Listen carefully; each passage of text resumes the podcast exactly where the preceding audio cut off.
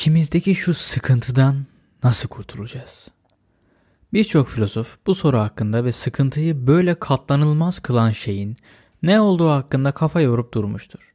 Ama belki de elimizdeki en iyi seçenek sıkıntıyla boğuşup durmak yerine ona kucak açmak. Aeon Magazine için yazan felsefeci ve psikiyatri uzmanı Neil Burton açıklıyor. Ne diyormuş dinleyelim hadi.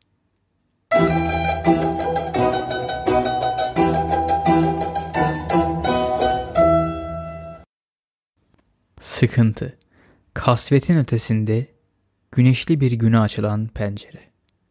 Sıkıntı dediğimiz şey tam olarak nedir? Son derece tatsız bir karşılık görmemiş, uyarılmışlık halidir. Umutsuzluğa kapılıp çökmüş falan değiliz.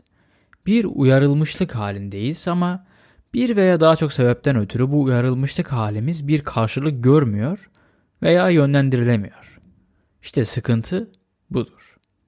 Bunun genelde hayal gücü, motivasyon veya odaklanma yoksunluğundan kaynaklı olarak içsel nedenleri ya da çevresel uyarıcılardan veya fırsatlardan yoksun oluşumuz gibi dışsal nedenleri olabilir. İlgimizi çeken bir şeyler yapmak istediğimiz halde yapamayız ve dahası bu acizlik durumunun farkına vardıkça daha da usanırız. Burada kilit unsur farkındalık veya bilinç sahibi olmaktır. Bu da neden hayvanların sıkıldıkları zaman bile genel olarak bizden daha yüksek sıkıntı eşikleri olduğunu açıklayabilir. İngiliz yazar Colin Wilson'ın dediği gibi çoğu hayvan sıkılmaktan hoşlanmaz ama insan sıkıntıdan işkence çeker. Hem insanda hem de hayvanda can sıkıntısı bir kontrolsüzlük veya özgürlük yoksunluğu yüzünden tetiklenir ya da körüklenir. Zaten çocuklarda ve ergenlerde sıkılma halinin bu kadar sık görülmesinin sebebi sürekli gözetim altına tutulmaları yetmiyormuş gibi üstüne bir de sıkıntılarını hafifletecek zihinsel donanımdan, kaynaklardan, deneyimden ve disiplinden yoksun oluşlarıdır. Şimdi sıkıntının anatomisine daha yakından bakalım. Uçağın gecikme süresi ikide bir uzarken bekleme salonuna tıkılıp kalmak neden insanın içini patlatacak kadar sıkıcıdır böyle? Yüksek uyarılmışlık halindeyiz. Yeni ve uyarıcı bir ortamda her an sıramızın gelmesini bekliyoruz. Evet etrafta bir sürü mağaza, ekran ve dergi var ama bunlar bizim ilgimizi gerçekten çekmiyor. Hatta ilgimizi bin bir parçaya bölerek sadece sıkıntımızı daha da arttırmaya yarıyor. Durumun kontrolümüzün dışında tahmin edilemez ve kaçırılmaz oluşu da her şeyi daha da beter ediyor. Uçağın gecikme süresi yine uzayabilir. Hatta uçuş tamamen iptal edilebilir. İkide bir monitöre bakıp duruyoruz. Ve tüm bu etkenlerin farkına varmak bize resmen acı veriyor. İşte böylece ne kendimizi tam olarak verebildiğimiz ne de içinden kaçabildiğimiz yüksek uyarılmışlık halinde iki arada bir derede sıkışıp kalıyoruz. İşimiz gücümüz veya hayatımızın aşkı bu uçuşa bağlıysa ve uçağı gerçekten yakalamamız gerekiyorsa evde mi kalsam yoksa dışarı mı çıksam gibi iki türlüsü de olur diyebileceğimiz bir duruma kıyasla daha az can sıkıntısı duyarız. Ama tabii daha gergin ve sinirli hissederiz. Böyle durumlarda can sıkıntısı ihtiyaç veya gereklilik algımızın ters işlevi olarak ortaya çıkar. Hayatımızda pek de önemli bir yeri olmayan bir tanıdığın cenazesinde canımız sıkılabilir. Ama ailemizin bir üyesinin cenazesi olsaydı öyle olmazdı. Pekala, buraya kadar tamamız. Ama can sıkıntısı neden bu kadar gıcık, bu kadar rahatsız edici bir şey? 19. yüzyıl Alman filozofu Arthur Schopenhauer'un argümanına göre hayat doğası gereği anlamlı veya tatmin edici olsaydı can sıkıntısı diye bir şey hiç olmazdı. O halde can sıkıntısı hayatın anlamsızlığının kanıtıdır. Normalde bir faaliyetler silsilesiyle veya tam tersi duygularla engelleyip ötelemeye çalıştığımız çok rahatsız edici bazı duygulara pencere açar sıkıntı. İşte manik savunma psikolojisinin özü budur. Sıkıntının tam tersi olan coşku, amaç dolu faaliyetler, ve mutlak kontrol ile bilinçli zihin sürekli meşgul tutulur. Böylece acizlik ve umutsuzluk duygularının bilince girmesi engellenir. Bu da olmazsa hiçbir şey hissedilmeyecek şekilde tüm duygulara ket vurulur. Albert Camus'un Düşüş adlı romanında Clemens bir yabancıya şöyle söyler. Bir adam tanıdım. Kafasız bir kadına yaşamının 20 yılını verdi. Her şeyi feda etti ona. Dostlarını, emeğini, dürüstlüğünü bile. Ama bir akşam kadını hiç sevmemiş olduğunu anladı. Canı sıkılıyordu. Hepsi bu. İnsanların çoğu gibi canı sıkılıyordu. Böylece karmaşa ve dram dolu bir yaşam yaratmıştı kendine. Bir olay olması gerek. İnsan bağlantılarından çoğunun açıklaması bu işte. Bir olay olması gerek. Gerekirse aşksız bir kölelik, hatta savaş ya da ölüm. Kronik sıkıntıdan muzdarip kişilerde depresyon, aşırı yeme, alkol ve uyuşturucu kullanımı gibi psikolojik tabanlı sorunların oluşma riski daha yüksektir. Bir araştırmada deney ortamında can sıkıntısına maruz bırakılan çoğu kişinin sırf düşüncelerinden ya da düşünce yoksunluğundan bir anlığına sıyrılabilmek için kendine gayet rahatsız edici elektrik şokları vermeyi seçtiği görülmüş. Deneyin dışındaki gerçek dünyada ise can sıkıntısıyla mücadele edebilmek için epey önemli miktarda kaynak tüketiyoruz. Küresel eğlence ve medya pazarının değerinin 2023 yılında 2.6 trilyon dolara ulaşması bekleniyor. Eğlendiricilere ve sporculara ise saçma derecede yüksek ödemeler yapılıyor ve statü kazandırılıyor. Son yıllardaki teknolojik gelişmeler parmaklarımızın ucuna sonsuz bir eğlence dünyası koydu. Ama bu işleri bir açıdan daha da kötüye götürdü. Çünkü bizi şimdiden ve buradan daha da uzaklaştırdı.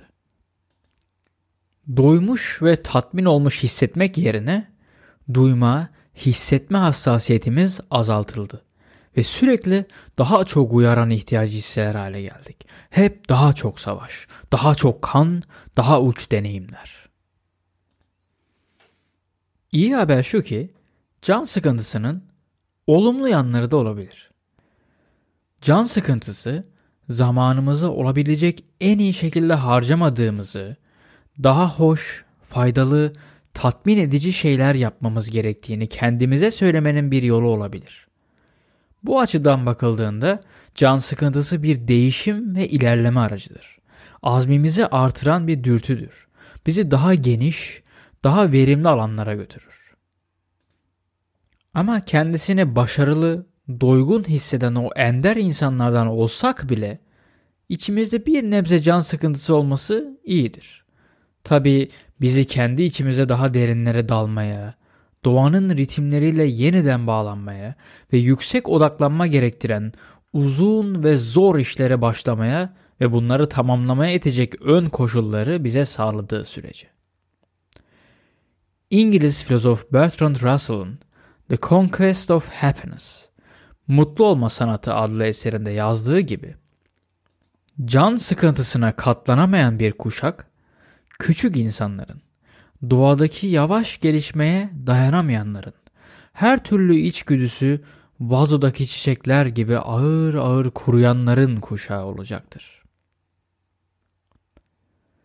1918 yılında Russell pasifist propaganda yaptığı gerekçesiyle 4,5 ayını Brixton'da bir hapishanede geçirdi. Ama buradaki çıplak koşulları yaratıcılık için uygun ve yardımcı buldu.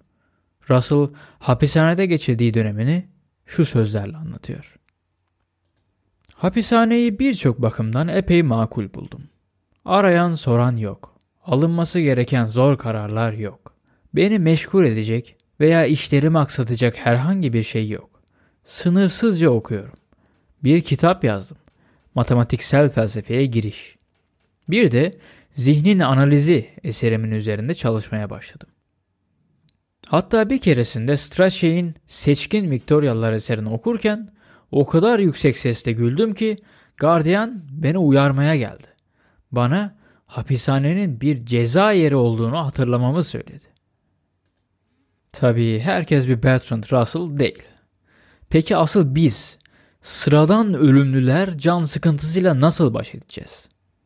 Sıkıntı ilk başta belirttiğimiz gibi karşılık görmemiş bir uyarılmışlık halinin bilincinde olmak ise sıkıntıyı şu yöntemlerle en aza indirebiliriz. Üzerinde fazla kontrolümüz olmayan durumlardan kaçınarak. Dikkat dağıtıcı unsurları ortadan kaldırarak. Kendimizi motive ederek. Daha az beklenti duyarak. Her şeye düzgün bir bakış açısıyla doğru değerler atayarak. Ne kadar şanslı olduğumuzu fark edip minnet duyarak bakmak ve benzeri yöntemler. Ama can sıkıntısına karşı sürekli bir boğuşma içinde savaş vermek yerine ona kucak açmak çok daha kolay ve verimli olur. Şayet can sıkıntısı gerçekliğin temel doğasına açılan ve dolayısıyla insanın içinde bulunduğu durumu bize gösteren bir pencere ise can sıkıntısıyla mücadele etmek demek perdeleri örtmek demektir. Evet gece zifiri karanlık ama yıldızlar da bu yüzden daha bir parlak. Sırf bu nedenle pek çok doğu geleneği kişiyi sıkıntıya teşvik eder. Sıkıntıyı daha yüksek bir bilinç seviyesine ulaşmanın yolu olarak görür. İşte benim en sevdiğim zen şakalarından biri. Bir zen öğrencisi tapınağa katılsa aydınlanmaya kavuşmasının kaç yıl süreceğini sormuş. 10 yıl diye cevap vermiş zen ustası. Peki ya hakikaten kendimi zorlayıp çabamı ikiye katlarsam diye sormuş bu sefer öğrenci. Zen ustasının yanıtı şu olmuş. 20 yıl. O halde can sıkıntısıyla savaşmak yerine sıkıntıya ayak uydur.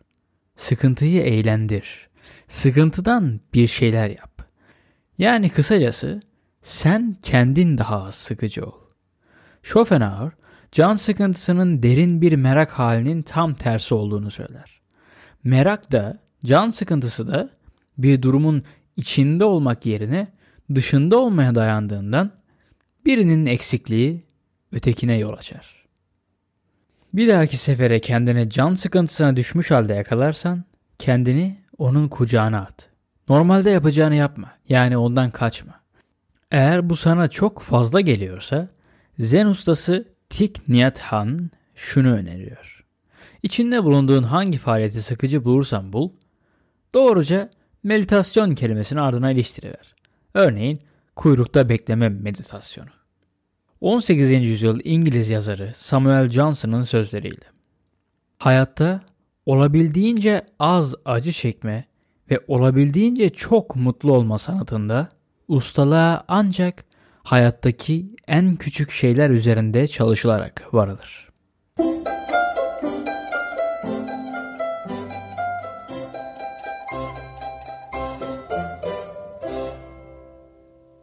Neil Burton'ın yazdığı ve İngilizce aslı 14 Şubat 2020 tarihinde Aeon Magazine dijital dergisinde yayınlanmış bu metni Creative Commons telif hakkı altında benim çevirimden dinledin.